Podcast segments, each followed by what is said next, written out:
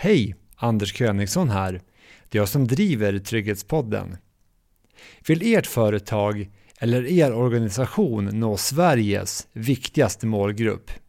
Människor med ett genuint intresse för trygghetsfrågor. Det gör ni genom att höras här i podden och synas på Trygghetspoddens hemsida. För att få mer information om den här möjligheten, mejla till info trygghetspodden.se Alltså info trygghetspodden.se Och nu kära lyssnare är det dags för ett nytt avsnitt i serien Trygghetsskapande myndigheter, den här gången med Tullverket. Hör Fredrik Holmberg som är vikarierande generaltulldirektör och även överdirektör om arbetet mot att förhindra införsel av bland annat narkotika och vapen till Sverige. Varför Tullverket inte får stoppa utförsel av stöldgods, liksom vad som krävs för att man ska kunna börja göra det. Och vad som skulle kunna åstadkommas om politikerna prioriterade medborgarnas säkerhet och därmed trygghet främst och Tullverket fick exakt de resurser man ville ha. Jag kan säga att eh, vi gör ungefär 6 000 beslag av narkotika per år. Det är ungefär 16 per dag. Och då kan man säga att 2000 av de 6000 det är ju cannabis. Det är ju jättevanlig drog. Och sen så utöver cannabis så tar vi också kokain förstås. Eh, amfetamin. Men vad vi också tar mycket av det är ju tabletter av olika slag. Och vad vi har sett på sistone det är väl en uppgång igen. Det går upp och ner. Men när det gäller vad vi kallar för sväljare, att man sväljer då vanligtvis heroin.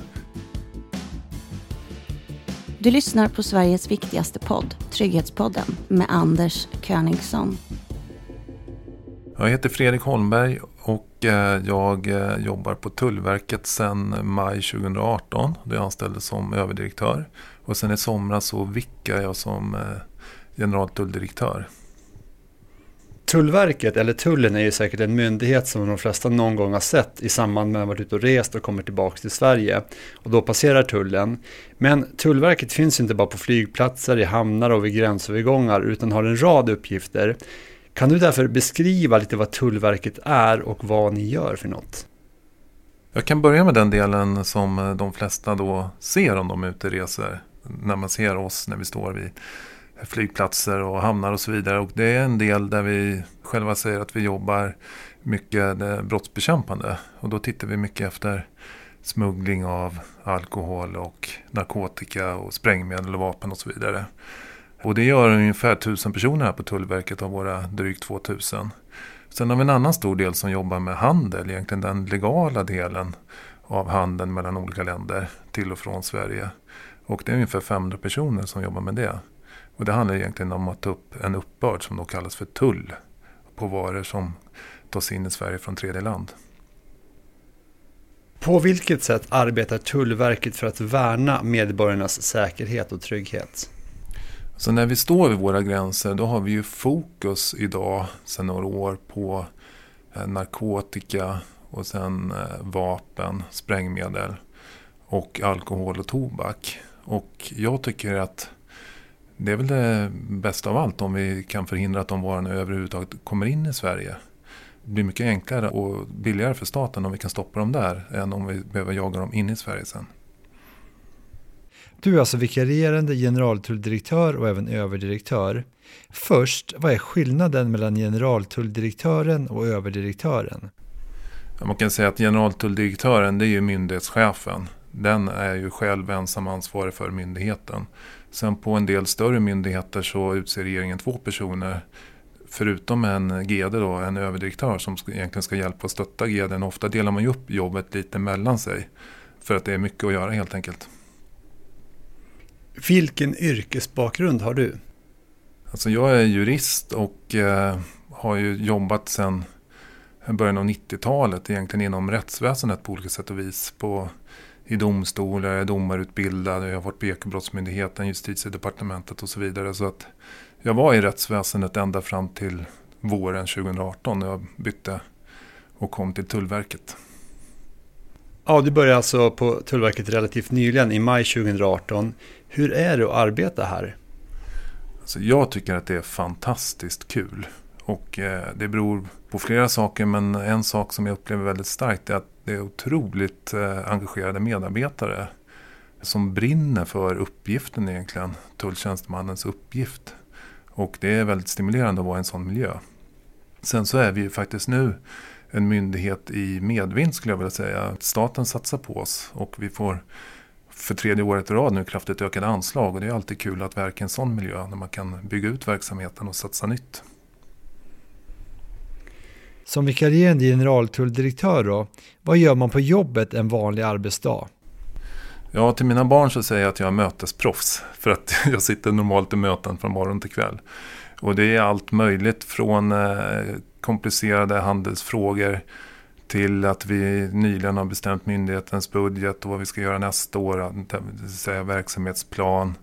Vi har mycket internationella frågor. Vi förhandlar ju också åt regeringskansliet ganska mycket i många, egentligen över 200 internationella grupper. Så att det är högt och lågt där varje dag och det är en av tjusningarna med jobbet. Har du tid att vara ute någonting i den operativa verksamheten också? Ja, det tycker jag är väldigt viktigt och det kan jag säga att mitt första år här så var vi ute nästan varje vecka och gjorde besök på olika ställen. Sen eh, när ordinarie generaltulldirektör blev sjuk så har det blivit mindre. Men då har jag fått ta väldigt mycket internationella resor. Men strävan är att vi ska vara ute så ofta som möjligt. Vi börjar prata lite grann om det här när man varit ute och rest och kommer tillbaka till Sverige igen. Då baserar man tullen. Men har man varit utanför Schengenområdet så behöver man ju också visa passet, men det gör man för gränspolisen. Så kan du beskriva hur skiljer sig Tullverkets uppdrag jämfört med gränspolisens? Ja, det finns en avgörande skillnad och eh, det är inte alla som känner till det, men polisen jobbar kan man säga med människor medan vårt grunduppdrag är egentligen att kontrollera varor. Och det är därför man visar passet för polisen men man visar resväskan för tullen. Sen finns det en del människor som tror att vi är tullpoliser och kallar oss för tullpoliser men det är vi inte utan vi är tullare med andra befogenheter än polisen. Det där är alltså en skillnad mellan myndigheterna, men ni samarbetar ju samtidigt med andra myndigheter. Och I förra avsnittet av Trygghetspodden berättade till exempel Therese Mattsson, som är generaldirektör på Kustbevakningen, att de, ni på Tullverket och polisen samarbetar på olika sätt.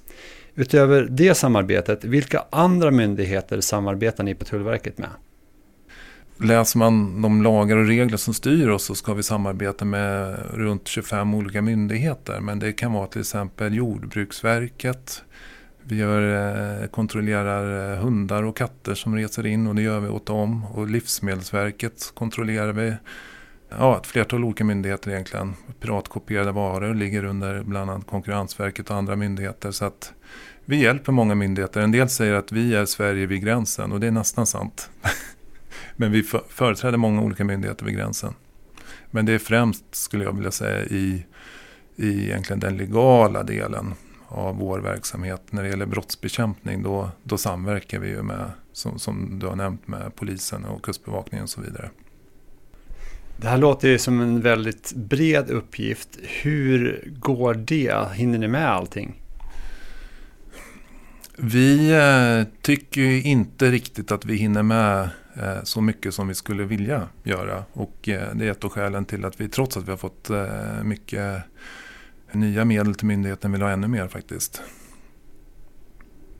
Ja, vi kommer återkomma lite grann till det här med resurser och budget längre fram här i samtalet. Men jag ska fråga en annan sak.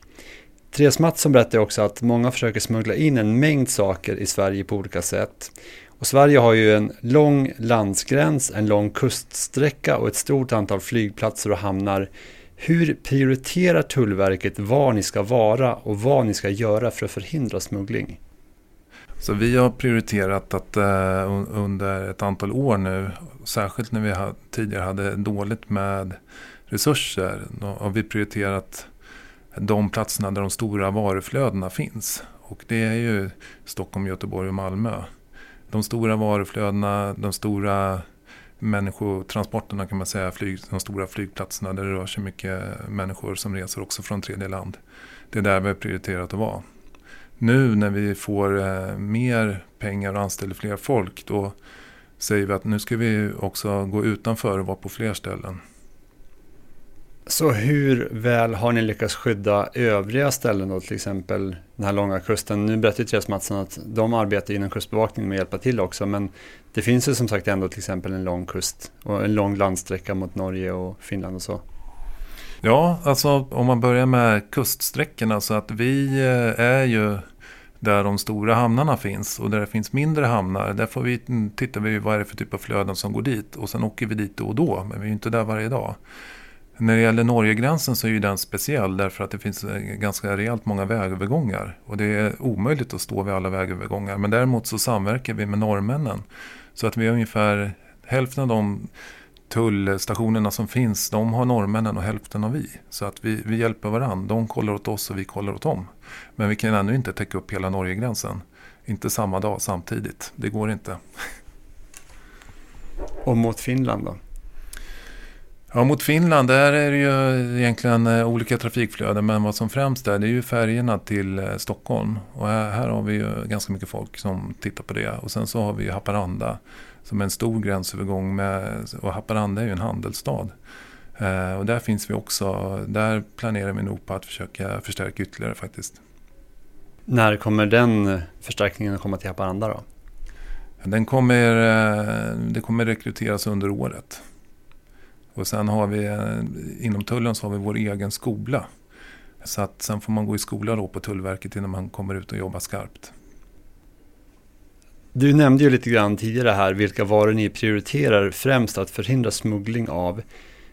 Kan du berätta lite mer om varför ni har valt just de här sakerna ni har valt? Ja, det finns väl eh, ett ganska enkelt svar på det. Det är nämligen så att det är regeringen som har prioriterat åt oss i vårt regleringsbrev. Och de har pekat ut tidigare fyra olika varutyper. Och det är ju narkotika som är självklart eh, och vapen och eh, tobak och alkohol. Och när det gäller tobak och alkohol så handlar det också om skatteundandragande. Sen så har det tillkommit en femte grupp här nu eh, efter årsskiftet och det är ju spräng medel, sprängämnespreklusioner som jag tror det heter. Och det beror ju på alla sprängningar i Sverige helt enkelt. Ja, det här med droger och vapen är ju ett mycket aktuellt ämne, inte minst med tanke på alla mord och skjutningar som sker. Och det här är ofta konflikter som rör droghandel. Så om vi börjar med drogerna, de största kvantiteterna, vilken typ av droger är det och hur är smuggelvägarna för dem in till Sverige? Jag kan säga att eh, vi gör ungefär 6 000 beslag av narkotika per år. Det är ungefär 16 per dag. Och då kan man säga att 2 000 av de 6 000 det är ju cannabis. Det är ju jättevanlig drog. Eh, och sen så utöver cannabis så tar vi också kokain förstås eh, amfetamin. Men vad vi också tar mycket av det är ju tabletter av olika slag. Det, det, tar vi också mycket. Men jag skulle väl vilja säga att cannabis är ju otroligt vanligt att man smugglar. Och det smugglar man ju på olika sätt. Man smugglar ju mycket cannabis också genom post och brev. Så därför är det väldigt viktigt att vi finns till exempel där eh, de stora postterminalerna finns för inkommande post från utlandet. Och där hittar vi ju väldigt mycket cannabis och också tabletter. Sen kan man väl säga att det smugglas en hel del över bron i Malmö. Och sen eh, färjetrafik till och från Sverige. Och vad vi har sett på sistone det är väl en uppgång igen. Det går upp och ner. Men när det gäller vad vi kallar för sväljer, att man sväljer då vanligtvis heroin. Och sen så flyger man in med det i magen då. då. Det har vi sett nu under hösten en, en uppgång också. Eh, men flyg, brotrafiken och färjetrafiken det, det är jätteviktiga områden för oss att verka inom. Det här med sväljare, hur lyckas ni upptäcka de personerna? Ja, man kan väl säga att vi eh, kontrollerar förstås inte alla flygpassagerare men däremot så försöker vi genom underrättelseverksamhet eh, samla information om om man ser för oss spännande flighter att titta på från olika länder eller man kanske har eh, vissa personer i sina register och så vidare. Så att vi försöker ju hitta rätt kontroller och sen när man får in de personerna så brukar vi fråga dem lite olika frågor och så får man se vad de har för beteende och så vidare om, om det finns skäl att misstänka då. då. Och eh, gör det det så kvarhåller vi dem. Och det kan man säga att oftast när vi misstänker och kvarhåller någon för att de har svalt narkotika så har de också gjort det. Så det märks på personens beteende? Ja, det, det kan man väl säga att eh, det är väl så med tulltjänstemän också att eh, efterhand som de jobbar så får de en, en, bra intuition över vilka de ska gå på och, och kontrollera och så. Det brukar visa sig stämma. Det kommer alltså in mycket narkotika till Sverige. Hur ser de här smuggelvägarna ut ifrån ursprungsland till Sverige? Det finns ju olika vägar. Man kan säga att eh, om man tar kokain till exempel så kommer det mycket från eh, Sydamerika och då finns det väl det kommer mycket med stora fartyg och där kan man säga att det finns väl en rutt som, som går eh, via Afrika till Europa och sen finns det rutter som går via Spanien och upp och eh, annars är ju Rotterdam, alltså de här stora hamnarna i Holland och Belgien. Där är det ju mycket narkotika tror vi som kommer in och sen så packas det om för vidare distribution då till andra europeiska länder. Och utöver kokain, till exempel heroin då och marijuana och så? Ja, alltså man kan säga att mycket mellanlandar i norra delen av Centraleuropa och sen går det vidare uppåt hit i alla fall. Så är det. Och heroin kommer från olika ställen. Det finns ju talas om rutter över östra Europa hit också. Från Afghanistan och så vidare. Marijuana då, vart odlas det främst? Alltså Mariana eller cannabis det är väl en sån eh, planta som den kan odlas var som helst. och det är nog kanske också så att den odlas var som helst också. Så att, eh, men det är också där eh, norra delen av Centraleuropa så kommer det nog in en hel del därifrån. Hur ska ni få stopp på det här stora flödet av droger då? Så jag tror ju att eh, det är ju så också att eh, vi är med i EU. Och eh, det innebär att och vi är innanför Schengen och det innebär att vi har en fri rörlighet av, av varor och människor. Det, det, innebär också att vi, vi får inte göra slumpkontroller, vi får inte kontrollera alla. Och jag tror att vi måste vara duktiga i Europa på att eh, samarbeta. Det är ju per definition gränsöverskridande brottslighet. Och eh, ett viktigt steg är att vi blir ännu vassare, de europeiska länderna, och pratar med varandra och samverka. Sen så siktar vi på att bli ännu vassare inom Sverige. Kustbevakningen, polisen och vi och Ekobrottsmyndigheten och Skatteverket. Att eh, jobba bättre med våra internationella ärenden tillsammans. Och det gör man egentligen bland annat med hjälp av Europol som är EUs polissamarbete då nere i Europa. Sen så handlar det också om, det får man aldrig glömma bort, att vårt antal kontroller som vi gör, de begränsas ju av hur många vi är. Det är väldigt enkel matematik och blir vi fler kan vi göra fler kontroller. Och vi tror också att det är nyckel till att, att eh, göra fler beslag och ta fler vapen och narkotika och, och sprängämnen och så vidare. Att, att vi måste kunna finnas på fler ställen och också kanske på fler av dygnets timmar. Det är nog en nyckel för oss. Hur mycket försvårar det ert arbete det här med att ni inte får utföra slumpvis-kontroller inom EU? Ja, det är klart att eh, man kan väl säga så att det förenklar ju inte jobbet i alla fall. Men eh, vi brukar ju, innan man gör en kontroll så kanske man ställer några frågor. Hej, välkommen och så vidare. Och, och, så, och om folk eh, blir nervösa och uppträder konstigt, då finns det egentligen skäl att göra en kontroll. Men vi kan ju inte stoppa alla, men det kommer vi aldrig kunna för det är ju en, dessutom en resursfråga. Det är en utopi att vi ska kunna kontrollera allt som går över våra gränser. Men som tullare, är man lite flexibel så kan man nästan komma runt det här regelverket och ändå kunna utföra kontroller, låter det som.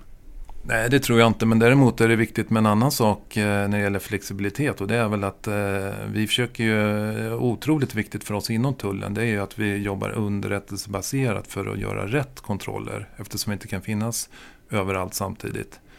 Och då gäller det att vi har flexibla medarbetare så att vi kan skicka folk på kort varsel och kanske också ibland när de egentligen inte hade tänkt att jobba.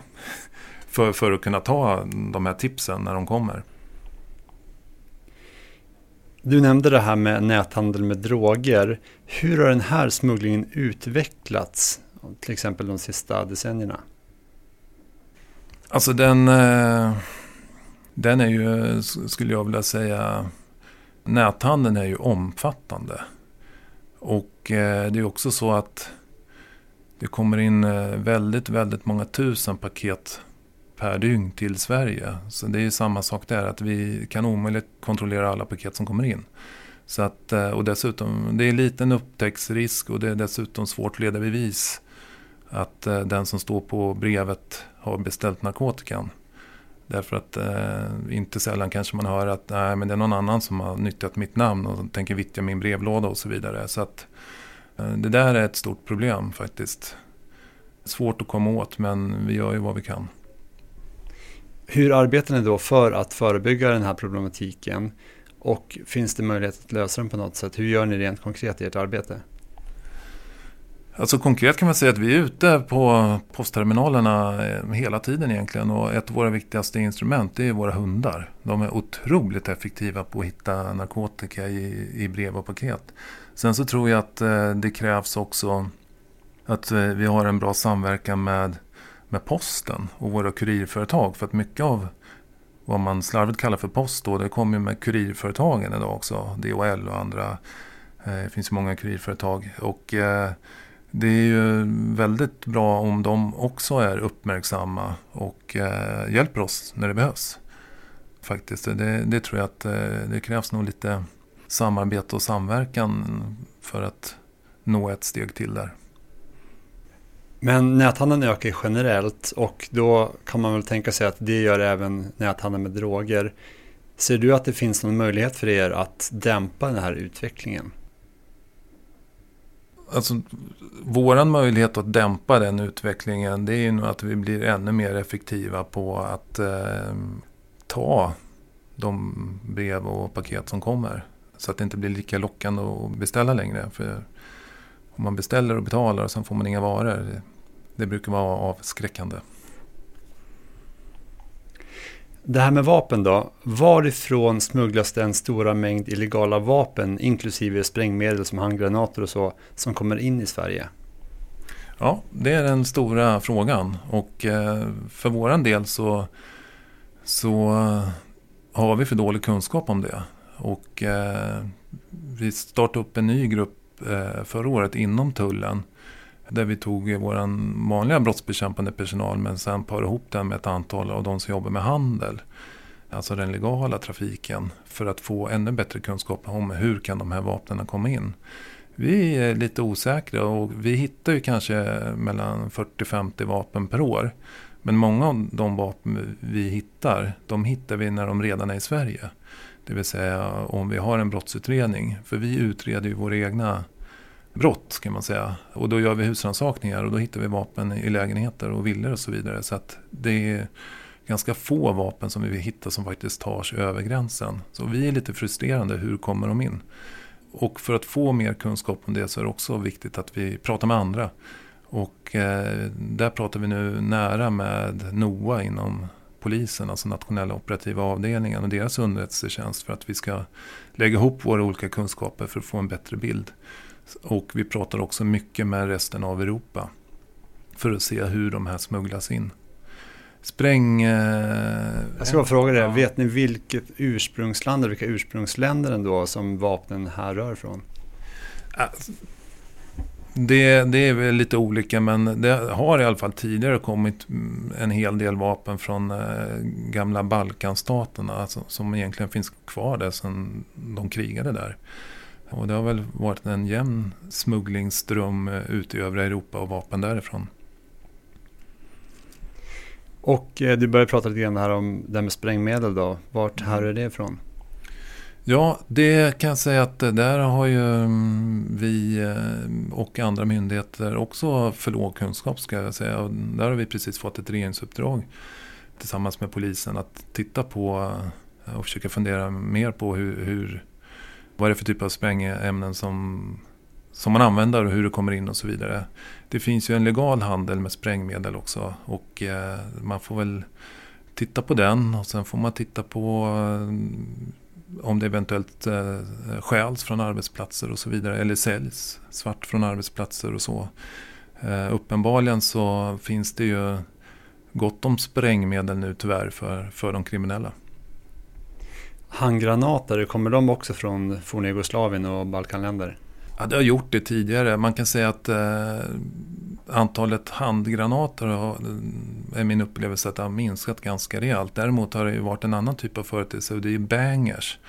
Som är ju väldigt, väldigt kraftiga smällare. Som, eh, och det har vi tagit väldigt många i beslag i tullen men det har minskat nu.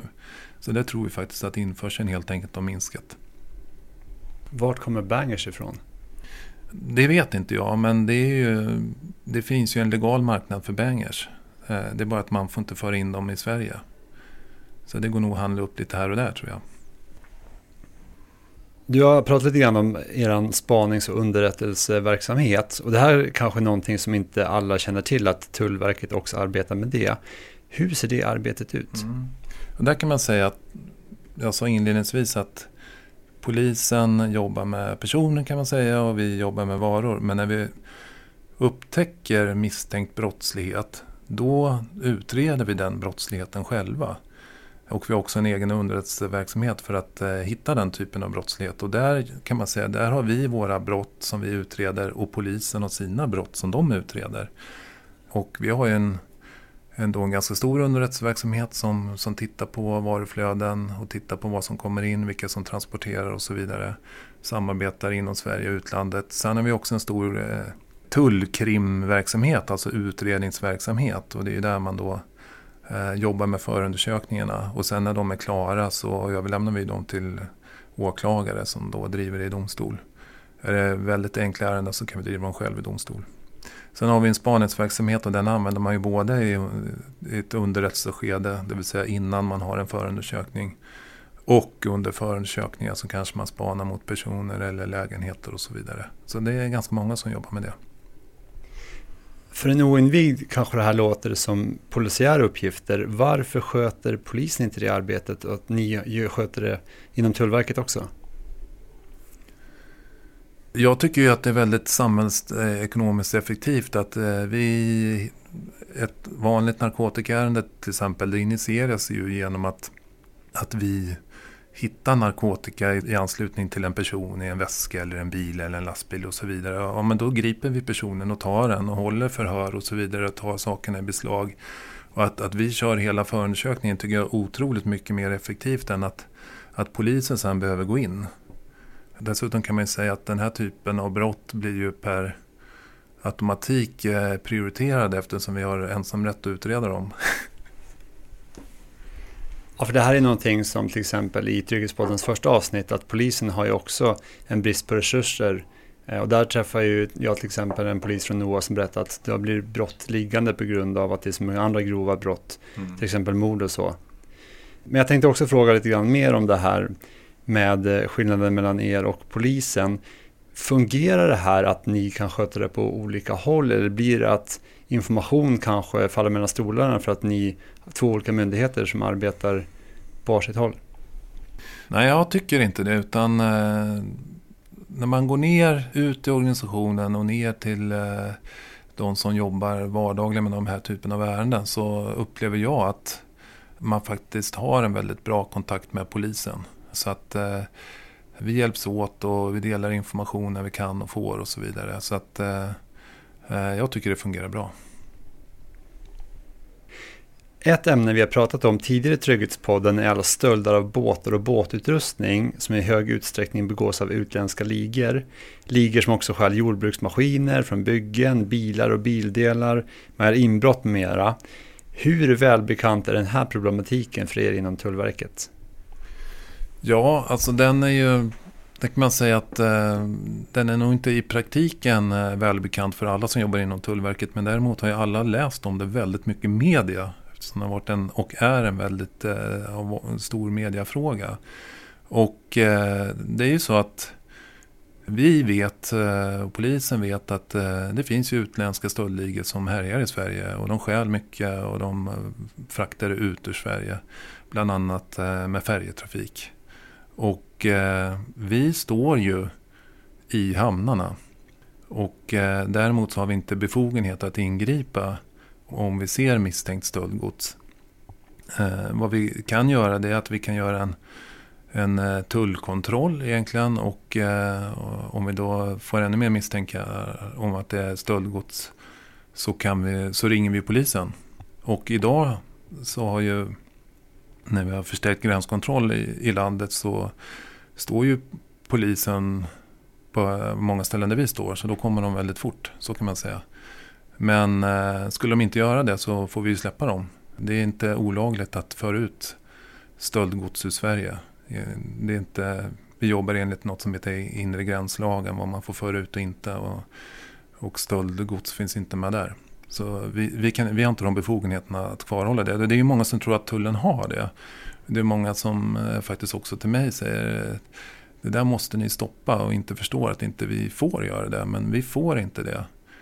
Sen finns det nu en diskussion om vi ska få de befogenheterna. Och då säger vi det att vill, eh, vill statsmakten att vi ska få de befogenheterna, ja men då tar vi dem. Och sen så jobbar vi med det här. Men om vi, om vi då får det så vill vi också gärna ha lite mer resurser. Eh, därför att det är också så att även i hamnar så är det ofta så att eh, intrafiken och uttrafiken är inte på exakt samma ställe. Så att om man står och, och kollar inresande, vilket vi tycker är otroligt viktigt, så kan man inte alltid samtidigt kontrollera utresande. Och vi vill inte gärna flytta folk från ingränsen till utgränsen. Släppa in flödet helt enkelt. Så därför vill vi i sådana fall bli lite fler. Men vilka ställen är det då som det skiljer? Om man tänker, nu sitter vi här på ert huvudkontor, där har vi Värtahamnen och Frihamnen mm. här i Stockholm till exempel. Och där kommer mm. ju folk både in och ut med båtar. Mm. Tittar man på Öresundsbron, då kommer folk mm. både in och ut med mm. tåg och bilar. Mm. Vilka tänker du på då? Som lyssnare kanske man lite svårt att känna till det. Ja, fast eh, även om man tittar i hamnar så är det ofta ett antal meter mellan den vägen där man rullar på färjan och den vägen man rullar av färjan. Så att eh, det kan vara svårt att, att spana på två ställen samtidigt. Och jag tror att står man på bron i Öresundsbron och på inflödet där, en väldigt bred eh, väg där, då, då är det det man har fokus på. Då ser man inte i nacken de som rullar ut helt enkelt. Så att eh, jag tror ändå att man, man behöver vara fler. Hur länge har ni inom Tullverket känt till den här problematiken med att stöldgods förs ut av just utländska ligor? Ja, det kan jag faktiskt inte riktigt svara på men jag tror att det egentligen varit ganska allmänt känt i ganska många år faktiskt. Att, att det är en problematik. Vet du hur länge ni har informerat regeringen om den här problematiken? Man kan säga så här att eh, vi har haft en dialog med regeringen om den här frågan. Exakt hur länge vill jag inte säga. Men däremot så har det förekommit uppgifter om att, att vi ser massor med stöldgods som går ut att vi står och inte gör någonting. Men det stämmer inte utan det är kanske en, två fall per år. Där vi faktiskt eh, har starka misstankar om att ha sett och att det har gått ut. Och på de senaste åren när vi har haft sådana misstankar då har vi ringt och då har polisen kommit. Men vad som är problemet är att vi sällan står och tittar efter det.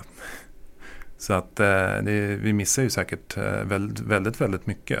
På grund av att, att vi har fokus på det som kommer in. Ja, SVT gjorde ju en artikel om det här och den visade i somras att ni bara la ner 0,5 procent av tiden på utgående gods. Vad tror du att lyssnarna tänker om det här? Ja, alltså om man hör siffrorna så eh, funderar man ju kanske på vad tullen håller på med. Men då ska man komma ihåg att vår normaluppgift det är inte att kontrollera utgående gods utan det är att kontrollera det som kommer in. Det är väldigt få kontroller egentligen som, som vi behöver och ska göra på utgående gods enligt det regelverk som finns idag. En helt annan sak blir det ju om vi faktiskt får också en uppgift att kolla efter stöldgods. Och då måste vi lägga betydligt mer tid än vad vi gör idag.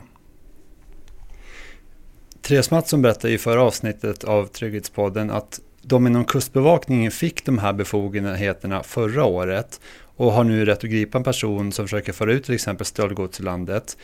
Men som du berättade, det här har alltså varit allmänt känt och ni inom Tullverket har känt till det ganska länge. Ändå har ni inte fått de här befogenheterna mm. och det kan hända att ni måste mm. släppa ut mm. stöldgods ur landet fast ni står där med personer mm. på bar gärning. Vad tänker du om det här? Jag tänker ju att det är väldigt olyckligt om stöldgods går ut ur landet och det gör det ju, så är det. Sen är frågan vem som ska göra jobbet. Det finns ju en myndighet idag som har uppgift att göra jobbet och det är ju polisen. De har uppgift idag egentligen, att eh, det är deras uppgift att eh, kontrollera stöldgods och stoppa det. Sen har ju polisen en oerhört svår situation. Det är ju det som är eh, ett, ett av de stora dilemmorna i samhället idag. Vad ska man lägga resurserna på? Hur ska man prioritera? Och i en värld som ser ut idag med sprängningar och skjutningar och, och grov gränsöverskridande brottslighet så, så, så är det ju svårt att hinna med för polisen förstås. Att göra många hamnkontroller. Men från politiskt håll då, att man inte har gjort mer. Nu har det ju som sagt inletts ett samarbete som mellan er och Kustbevakningen mm. och polisen. Men det här är ju bara de senaste två åren. Mm. Och det här har uppenbarligen varit allmänt känt. Vad tänker du om att politikerna inte har agerat tidigare? Nej, men det vill inte jag uttala mig om faktiskt. Utan det får du nästan fråga politikerna om, eh, om det. Sen kan man väl säga att eh, frågan var ju uppe eh, när vi hade en budgetproposition. Inte i höstas utan hösten innan. Och då sa ju utskottet att man, man ville att vi skulle få den typen av befogenheter. Men i slutändan är det ju en fråga för regeringen.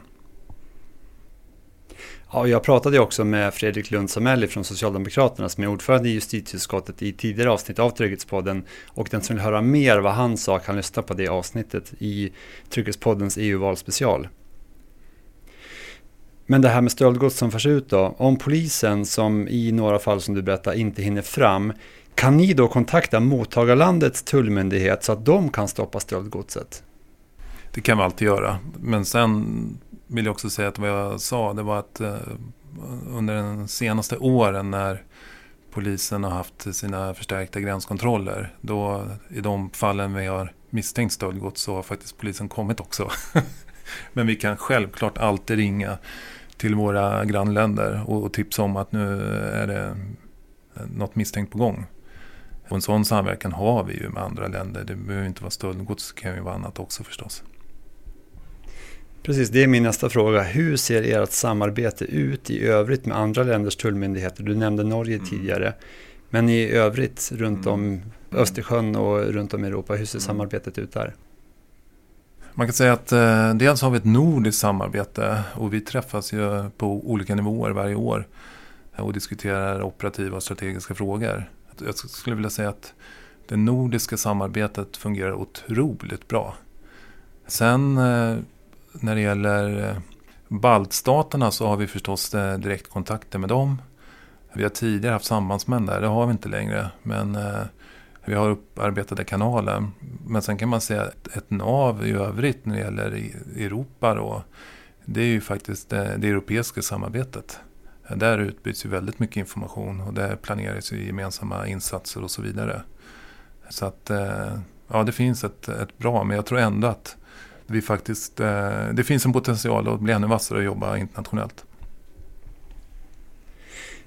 Vi ska avsluta och prata lite grann om ekonomi och resurser. Mm. Vilket årligt statligt anslag har Tullverket?